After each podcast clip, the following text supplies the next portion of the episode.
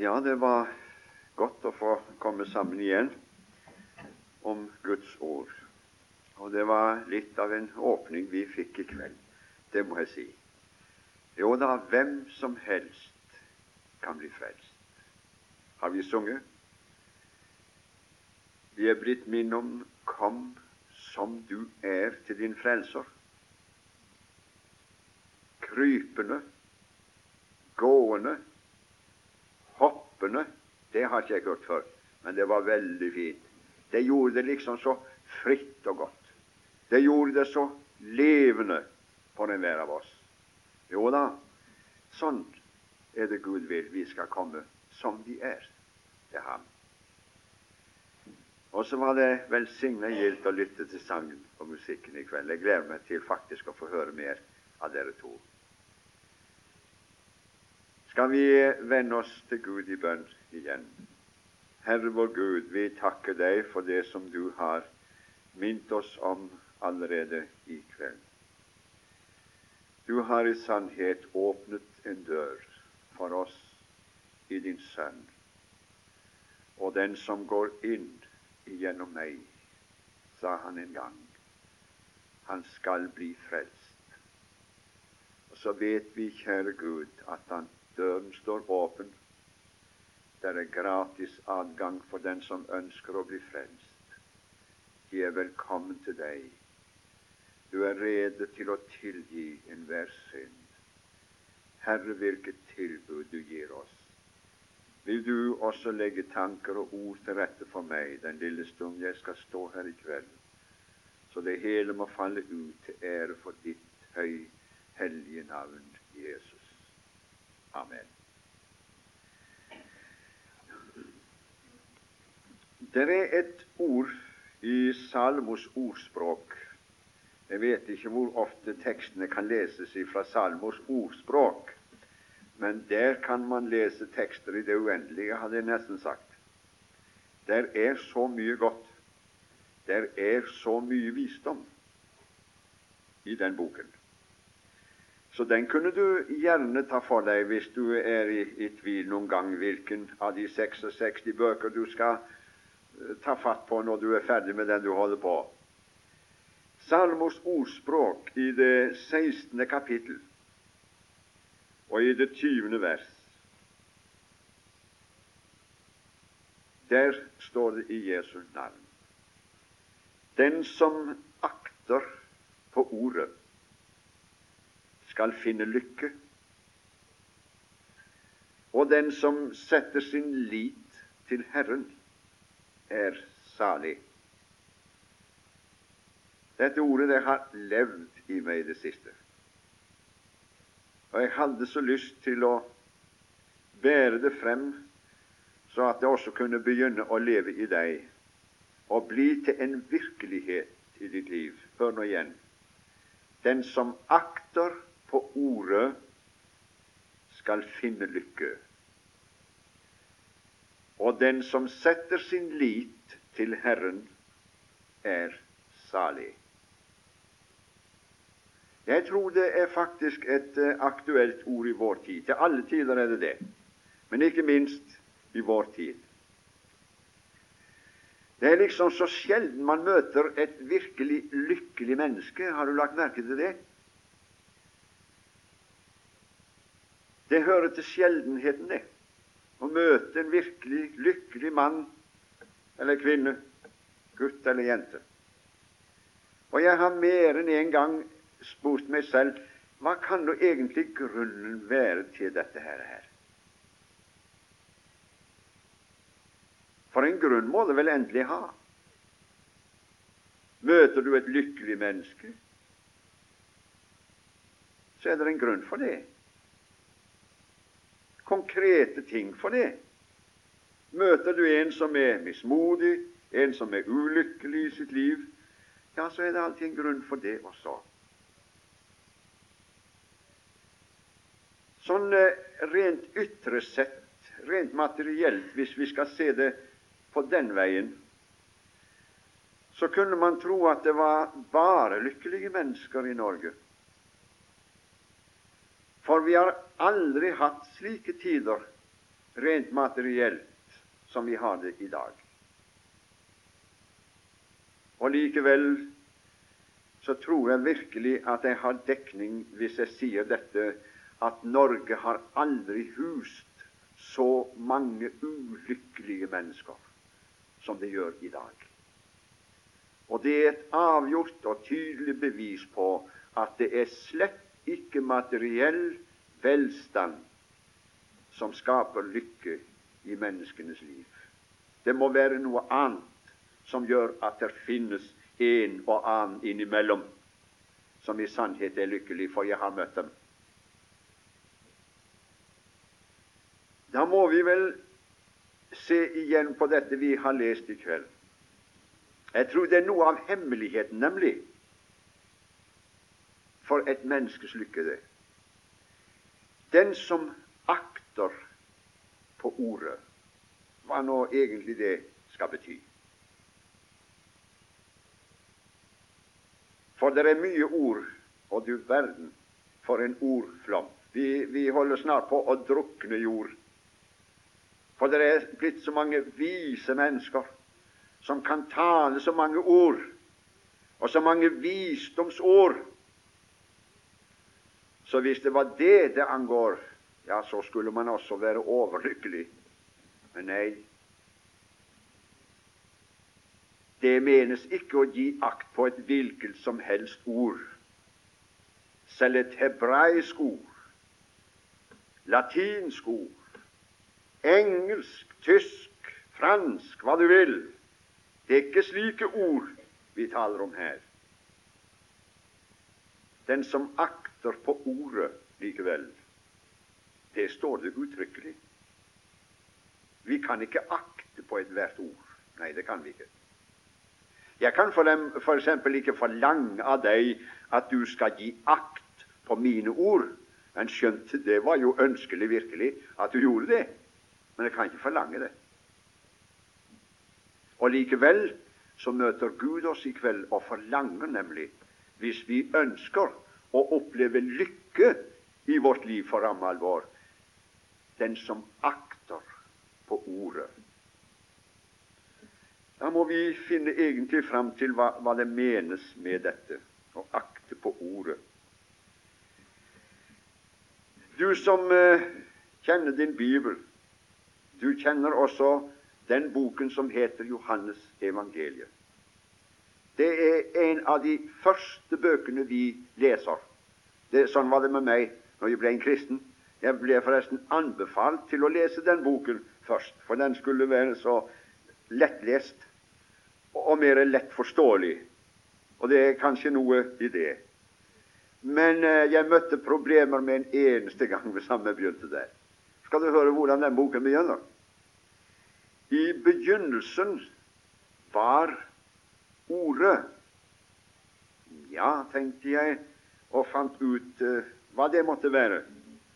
For da var det Guds ord. Han uh, talte, og så ble det sånn som han talte. Leser du Første Mosebok, så står det også slik helt i begynnelsen der I begynnelsen skapte Gud himmelen og jorden. Og du vet på hvilken måte han gjorde det. Han gjorde det ganske enkelt, slik som vi leser det igjen og igjen. Og Gud sa. Og Gud sa. Det ord. Når Gud sa, da var det ord.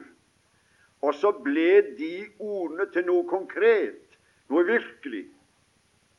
Han brukte ikke annet enn ord når han skapte verden, universet, og alt har gått i sine baner i de tusener og atter tusener av år. Og hvilken kraft det var i Guds ord når han sa, når han bød. For det står alltid deretter og det ble så, som Gud sa. I begynnelsen var Ordet. Det henvises ikke til skapelseshistorien, det. Nei. For dette, det er ordet med stor O. Det har du sikkert hørt før. I begynnelsen var Ordet. Ikke at Gud sa, altså, men med stor O. Huff a meg, det høres veldig innviklet ut, kanskje, eh, for noen. Og Ordet var hos Gud. I all verdens slags formuleringer kan dette være. Hvem kan skjønne den slags? sa jeg til meg selv når jeg begynte på Johannes evangelium. I begynnelsen var Ordet. Ordet var hos Gud. Og videre og Ordet var Gud. Nei, dette blir verre og verre. Så leste jeg utover til det 14. verset, hvor det står Og ordet ble kjøtt. Har du hørt sånn? Tenk. Ordet ble kjøtt. Og det tok bolig Nei, det står ikke det. Men ordet ble kjøtt og tok bolig iblant oss. Nå, De som kjenner sin bibel, de vet meget godt hva det tales om her. Det er ikke et ord i sin alminnelighet. Engang ikke når Gud sa det menes. Men eh, som det står i det andre verset Han var i begynnelsen hos Gud. Det taler man ikke om et ord. Han, ordet. Nei, man sier ikke sånn. Man sier han om en person. Og den personen som fremheves her til å begynne med og igjennom jeg har nesten sagt hele Bibelen, det er personen Jesus. Det er ett av Jesus sine navn, om jeg må si det slik. Det er en person det tales om. I begynnelsen var Jesus, om jeg ville si det slik. Og Jesus var hos Gud. Og Jesus var Gud. Og han var i begynnelsen hos Gud. Han hadde sånn vi leser det i Johannes eh, evangeliet.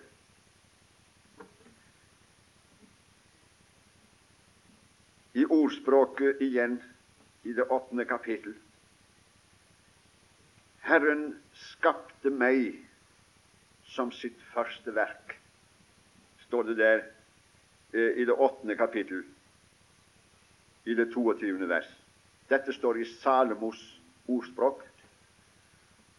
Og det står Herren skapte meg. Som sitt første verk. Var det Salomo, det? Måtte vel det når vi leser i Salmos ordspråk. Han skapte meg, står det i Salmos ordspråk, som sitt første verk. Nei, det vet vi alle sammen. Det var slett ikke Salomo som var Guds første verk. Men det er en annen person som taler nå, og det er Ordet. Han som var ifra begynnelsen. Derfor kunne han uttale det slik Herren skapte meg som sitt første verk, før sine andre gjerninger i fordums tid. Det var det første verk av Gud. Fra evighet er jeg blitt til. Fra først av, før jorden var. Da avgrunnene ennå ikke ble til, ikke var til, ble jeg født. Ja, det står det virkelig. Han ble født da, og vi feirer julekvelden som hans fødsel. Men han var født lenge før. Skal du høre når han ble født? Før Nei, da avgrunnene ennå ikke var til, ble jeg født. Da der ennå ikke fantes kilder fylt med vann. Før fjellene senkes, senk, ble senket ned, før haugene ble til, ble jeg født.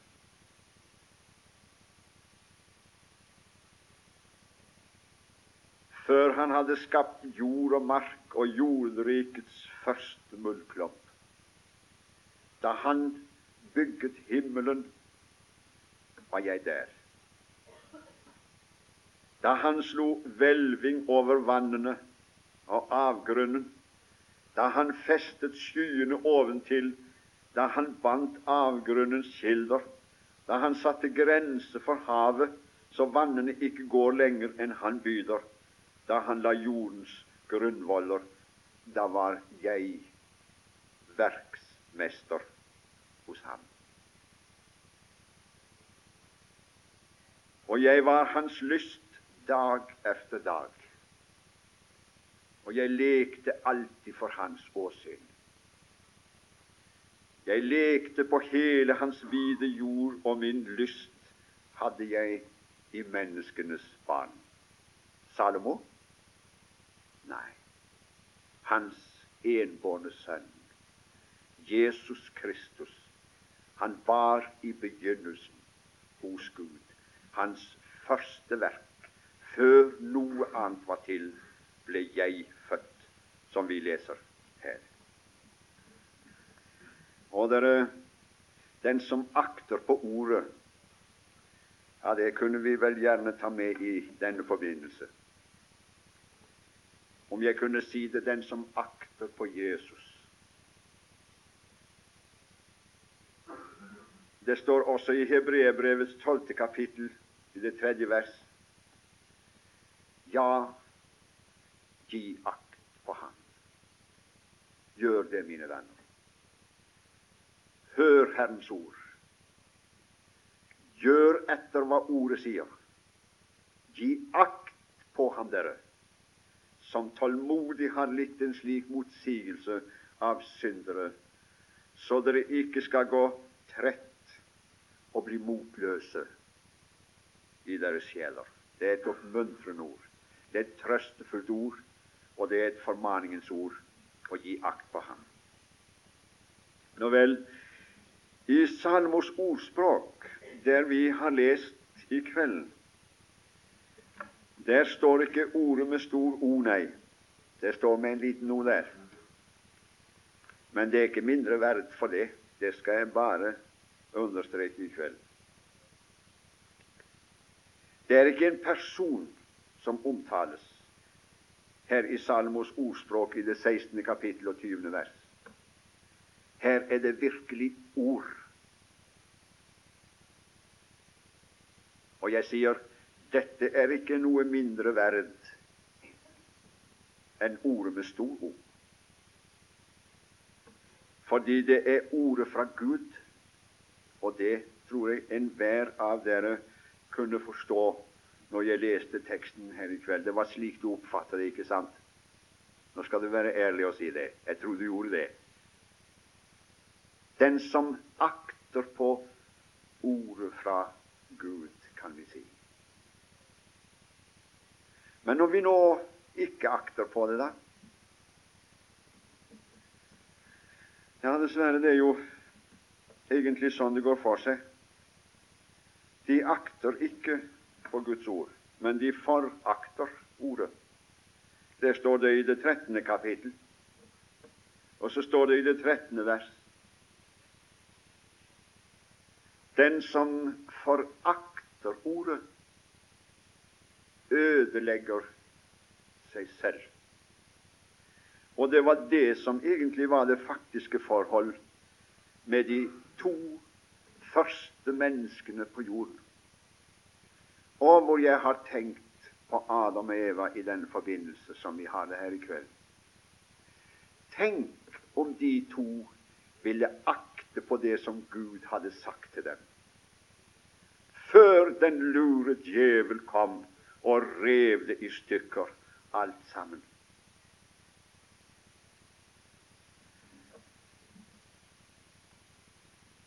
Har Gud virkelig sagt Ja, det har han virkelig sagt, ja. Og det benekter ikke Eva heller. Fordi han forvrengte sannheten til de grader så det var åpenbar løgn. Stikk imot det Gud hadde sagt. Men eh, han kom i hvert fall i samtale med dem på den måten. Og det var meget smart gjort. Gir du deg først i samtale og i kast med Satan, så er jeg bange for at det kan gå ille for deg, min venn. Det er best at du lukker ørene da. For han kom og spurte har Gud virkelig sagt «I skal ikke ete av noe tre i haven. Har han virkelig det? Hva skal de leve av da? Nei, sa Eva, det har han ikke sagt. Det er blank løgn, det du kommer med. Han har ikke sagt det der, at vi ikke skal ete av noe tre i haven. Derimot har han sagt at vi skal ete av alle trær i haven. Ja, for det var det han hadde sagt. Dere må fritt ete av alle trær i haven, sa Gud. Men det var ett, bare ett av de mange de ikke måtte ete av. For den dag dere eter av det, eller rører ved det, så skal dere dø. Hun prøvde å forklare ham det, men uh, han ga seg ikke med det. Nå hadde han fått dem i tale. Og så sier han dere skal visselig ikke dø. Det var frekt sagt.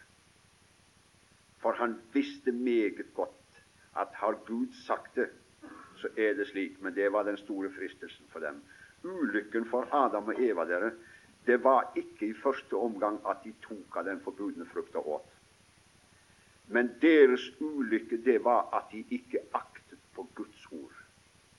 For hvis de det hadde gjort, så kunne de stått seg mot en hvilken som helst lange på djevelen. Og Nå bruker han akkurat det samme knep på menneskene opp gjennom tidene, like til i dag, kanskje verre i dag enn noen gang. Hvor mange er det ikke av vise menn som du skulle vente noe mer av? Skriftlærde menn i vår tid som folk regner med. For det er noen som kan sine ting. De har studert det, og de vet hva de snakker om. Men hva er det de snakker om? De snakker djevelsk. For de sier 'Har Gud virkelig sagt?' Og så får de det til. Nei, det er ikke Gud som har sagt det. Og dere, jeg er livende redd det er den største fare i vår tid, det kan du være ganske sikker på, at djevelen kommer og rokker ved det solide som han har lagt for oss i sitt dyrebare ord. Men uh, den som akter på ordet, skal finne lykke. Og den som setter sin lit til Herren, er salig. Det var det vi hadde for oss. Og jeg uh, har tenkt det slik som jeg sa det om Adam og Eva. Og hvilken ulykke de hadde spart seg selv for, og de hadde spart hele Adamslekten for, om de hadde aktet på hans ord. For hva det førte med seg, ja, det har vi vel sikkert hørt nokså mye om. Jeg kan lese noe for deg som gjerne ikke ofte leses, men det står like godt for det, og det er i Romerbrevets femte kapittel. Jeg tror vi skal ta oss litt tid med det også i kveld. Der kunne jeg ha lest mange vers, men du kunne notere deg det 15., det 16., det 17., det 18., det 19. vers i Romerbrevets femte kapittel skal du se hva det førte med seg. At Adam ikke aktet på Guds ord, men falt i fristelsens stønn. Jeg kan ta bare det 18. vers, hvor det står og det ordet 'altså'.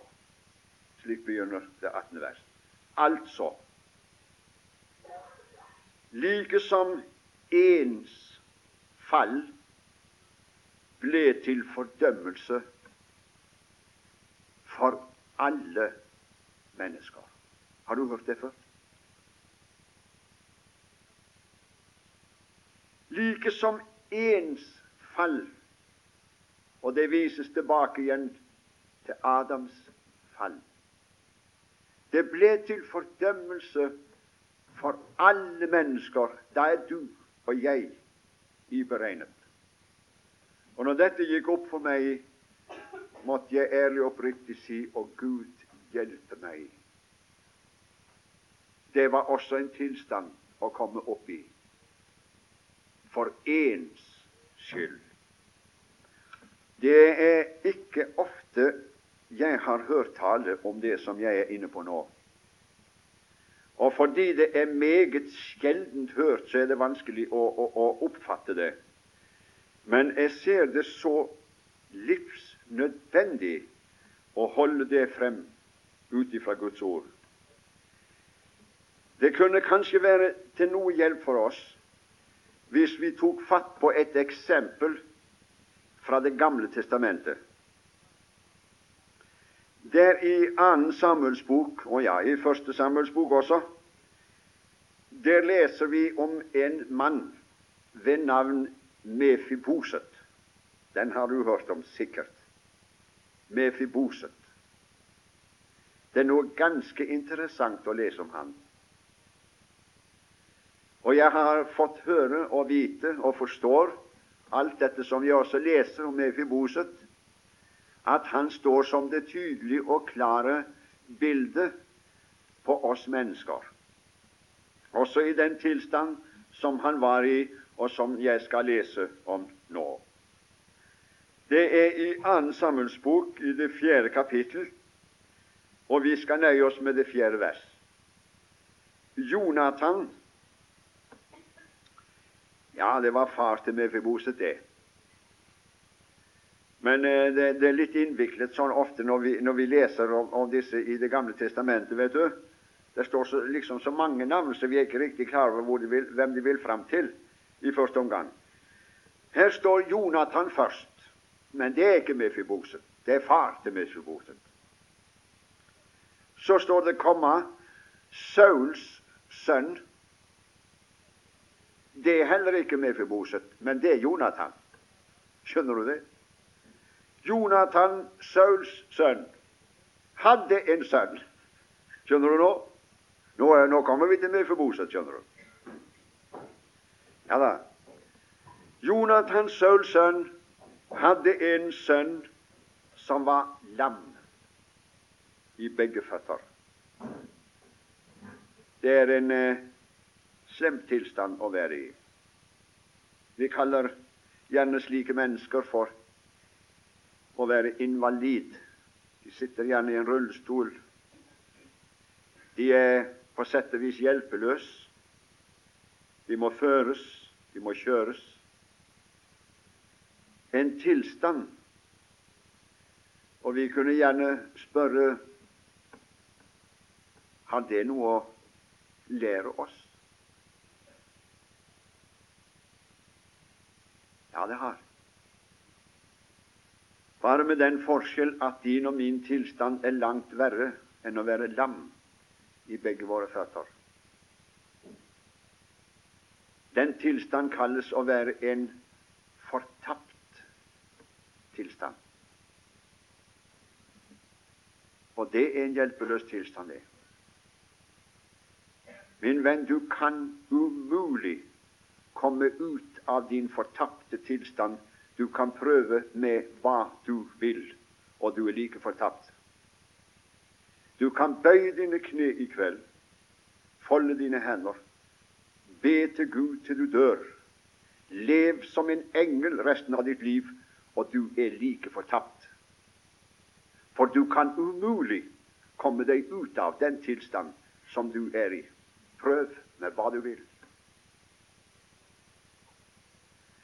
Det som vi gjerne kanskje er mer interessert i denne forbindelse, det er hva som lå til grunn for at han var kommet opp i denne sin tilstand, at han var lam i begge sine føtter.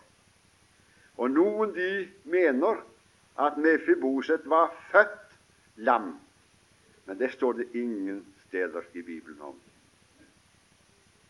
Derimot så står det meget tydelig hva som var grunnen til at han var lam i begge sine føtter. Det står i det samme vers som jeg nå har lest. Jonathan, Sauls sønn, hadde en sønn som var lam i begge føtter. Han var fem år gammel da tiden om Saul og Jonathan kom fra Israel. Og så kommer det Og den kvinne som passet ham Så kom det en kvinne inn i bildet også. Hun var altså barnepasser. Den kvinne som passet ham, tok ham og flyktet. Kidnappet, kaller vi det for i dag. Men idet hun skyndte seg av sted, falt han ned og ble lam. Hans navn var Mefiboset. Var han født lam? Nei. Han var fem år gammel da han ble lam. Og det som var grunnen til at han kom i en så fryktelig tilstand som han var i, invalid for resten av sitt liv. Det var ikke hans egen skyld. Han hadde ikke ført seg selv i den tilstand han var i. Men det var en annen som hadde skylden for det, i dette tilfellet en kvinne. Men han var like lam for det. Ikke sant?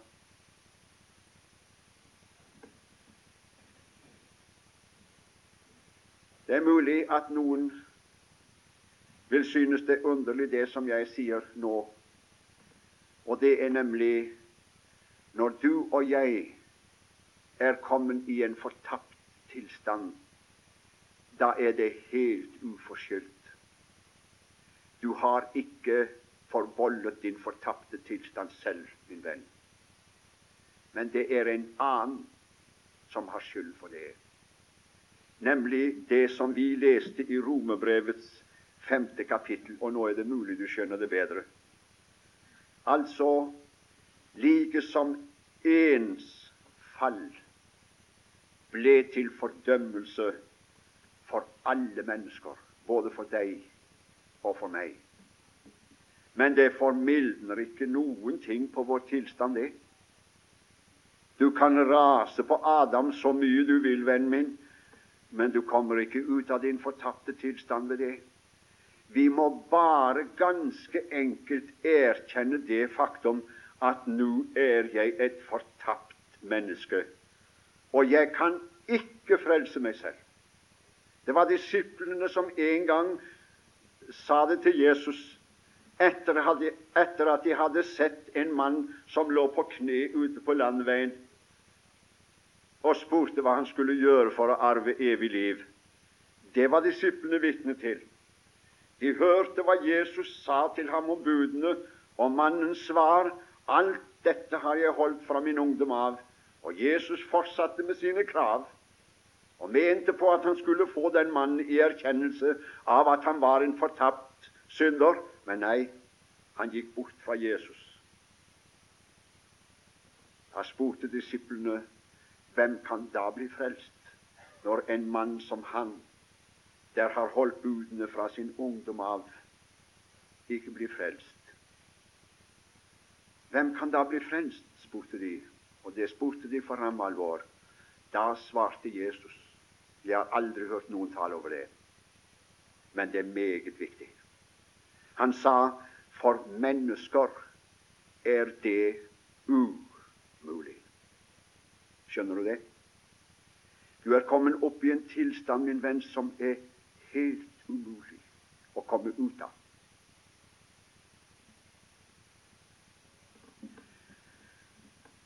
Nå er det ei lykke at ikke Jesus stoppet der. For da måtte dette være et forferdelig møte i kveld. Tenk for et budskap. Men dere, jeg ser det meget alvorlig å tale den siden av saken.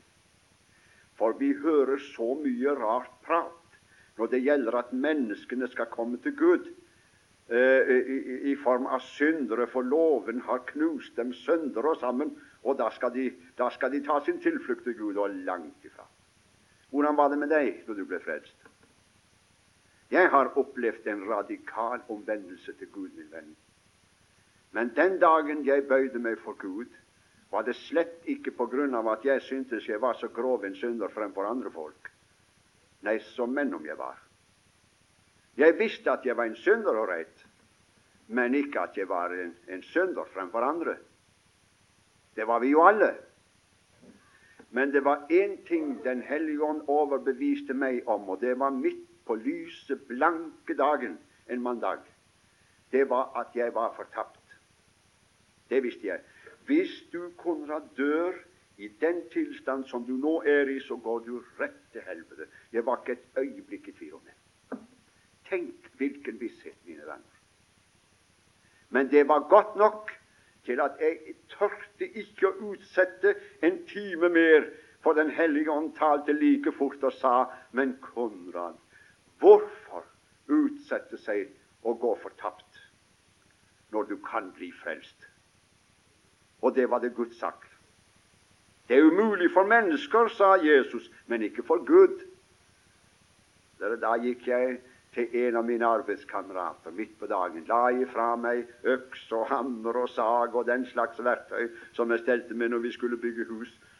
Og så spurte jeg henne Joakim Du må være med meg og be til Gud at jeg må bli frelst. Og det slapp jeg å be han to ganger om. Og så gikk vi om bord i en båt. Vi bodde fem karer der om bord. Og der var det jeg ga meg over til Gud. Men det som brakte meg til Gud, det var at Den hellige ånd hadde overbevist meg om at jeg var en fortapt synder. Ikke at jeg var en grov synder, stor synder, men at jeg var fortapt. Og jeg mener det er den tilstanden menneskene må komme i og få se. For før den tid har jeg vanskeligheter for å tro at det er noen som spør etter en frelser. Da begynner de å, å tenke på ja, ja, så får jeg bøye meg, og så må jeg begynne å bli kristelig, og så skal de prøve å leve kristelig, og så vet jeg ikke i all verden hva de skal styre og stelle med. Og det er så religiøst, og det er så fint, alt sammen. Men frelse er der ikke i det og de kan holde det gående med sin religiøsitet i kirker og bedehus i årevis. Og Hvis de så ikke greier å holde ut lenger, så kaller man det for en frafall. Nei, langt ifra. Det har de aldri vært noe frafall med. For de har ikke hatt noe å falle ifra. Nei, jeg glemmer ikke dere når uh, mester Adam Jeg vet jo noen av dere har hørt om han. Uh, jeg fikk den gleden av å være i det gamle bedehuset her på ett av mester Adams sine møter. Det var meg som hadde virksomhet, altså, men jeg måtte jo bare trekke meg, naturligvis. Vi fikk en så stor predikant som det. Men det ble et veldig møte for meg, altså. Jeg glemmer det aldri. Han, eh, eh, han hadde teksten om den varmhjertige samaritan den kvelden. Og så kom han inn på de forskjellige religioner med det frelsestilbud som, som de har, alle sammen. Bare, bare, med den store forskjellen at det er ingen religion utenom den kristne som kan tilby en fullkommen frelse. Det ble veldig for meg. Og så, eh, Han hadde en legende eh, som han holdt frem den gangen. Og det var eh, om en mann som var fortapt på den måten at han var falt ned i en dyp brønn. Og det var ganske umulig for den mannen å komme opp igjen. Så han ropte om berge og frelse i sin fortapte tilstand. Og dette var det en mann ved navn Buddha som hørte først, pussig nok. Og Buddha han kommer hen til, til kanten og, og hører og, og, og, ser den mann som ligger dypt der nede, helt fortapt. Og Buddha står og holder et meget fint foredrag om hvordan en mann skal stelle seg for ikke å falle ned i en brønn. Det var helt perfekt tale. Fantastisk fin. Og det var helt riktig det han sa. Hvis han hadde stelt seg som Buddha sa, så hadde han aldri dødd i en brønn og blitt fortapt. Så det var alt, og takk for meg. For så gikk han. Ja, det skal jeg si var redning. Det var frelse, det. Så kommer Muhammed. Han holdt omtrent det samme foredraget, han òg, sier Adam. Men han gikk noe lenger, for han hadde en taustump med seg også, han. Så han lot den gå ned i brunnen. Det var bare det at han var ikke lang nok, sier Adam. Så han strekker seg ganske langt, så langt han kan. Og så sier han nå må du gjøre hva du kan for å få fatt i den, dette tauet, så, så, skal jeg forsøke å dra det opp. Det var et frelsestilbud, det òg. Men jeg skal si deg at Muhammed måtte gå med uforrettet sak, og mannen var like fortapt. Men så sier han, og det, det var da det gikk igjennom meg Men så kommer Kristus. Kristus! Å hjelpe deg! Det var som jeg så han. Han kom bort til brønnkanten. Han holdt ingen foredrag om hvordan folk skal telle seg for å dette i en brønn. Han så jo han var der. Det var ingen hjelp i. Ingen taustump hadde han med seg, men han gikk rett ned selv i brønnen, og så tok han om synderen, og så opp med han og satte hans føtter på det faste. En fullkommen frelse, det er det bare Gud som tilbyr i Kristus Jesus. Og skal du bli frelst, min kjære fortapte venn, så begynn ikke å be til Gud. Ikke begynn å bøye dine kne. Ikke fold dine hender, ikke lev kristelig. Men jeg ber deg i Jesu navn, venn deg til Frelseren. Han er en mester i å frelse. Dertil er han kommet for å frelse det som er fortapt. Skjønner du det? Det er sånn det går for seg, skjønner du. Du må få fatt i Jesus, for det er han som er en mester i å frelse folk. Og du skjønner, det er, her er det mange ting vi kunne komme inn på. Og da er det mulig at jeg bare må avslutte med det samme som jeg begynte med.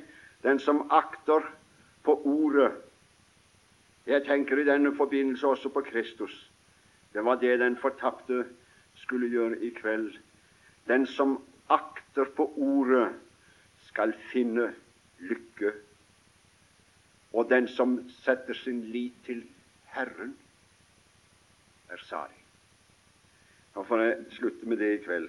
Og hvis Herren gir nåde til det, så hadde jeg lyst til å fortsette med, med denne vidunderlige sannhet som vi har vært inne på i kveld. Herre vår Gud, det er underlig når Ordet blir levende for oss, og vi ser vår fortapte tilstand og vet at det er umulig for oss å komme ut av denne hvis ikke du kommer helt ned til oss. Men Jesus, du steg jo ned så dypt som ingen vet.